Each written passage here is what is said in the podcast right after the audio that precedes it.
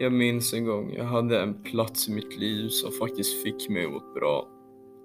En plats där jag kände mig lycka och ro i min själ. Mina tankar var utspridda, jag kunde öppna mina känslor hos den träkoja som min farfar byggde åt mig när jag var liten. Jag kunde känna mig hemma, där ingen störde mig, ingen kom och så åt mig vad jag skulle göra.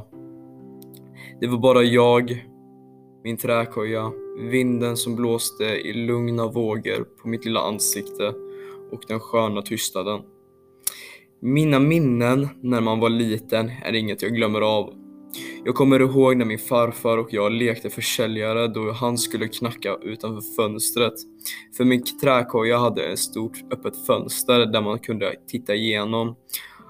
Han kom alltid dit och sa att han skulle köpa mina verktygslåda som jag alltid hade med mig i min träkoja.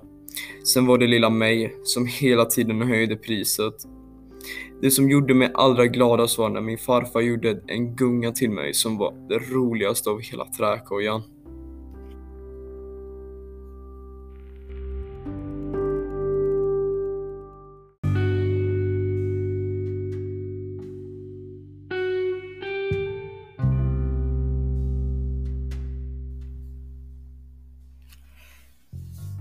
Han gjorde en gunga för sig själv också.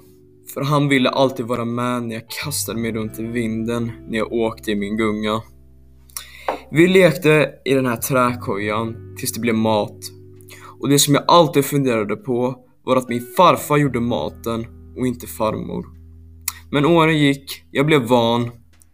Han gjorde maten och jag säger nu för jag verkligen menar det. Den var fruktansvärt god.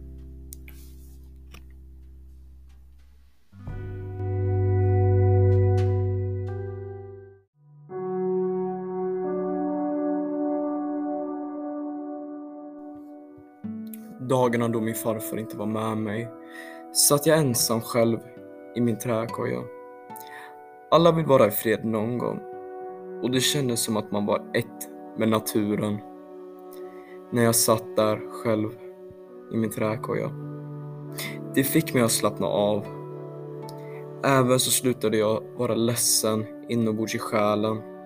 Det fick mig att släppa ut, släppa ut alla sorger ilska som samlades inom mig.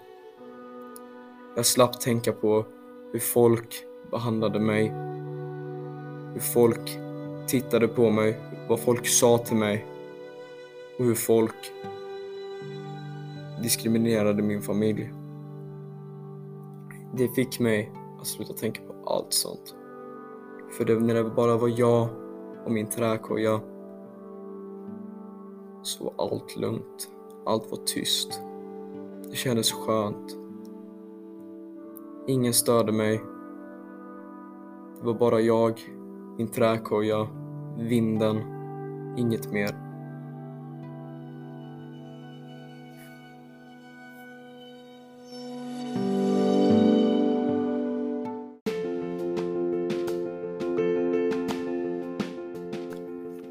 Min farfar ägde en farm det var där oftast jag alltid nästan var när jag hade mina ilskeutbrott.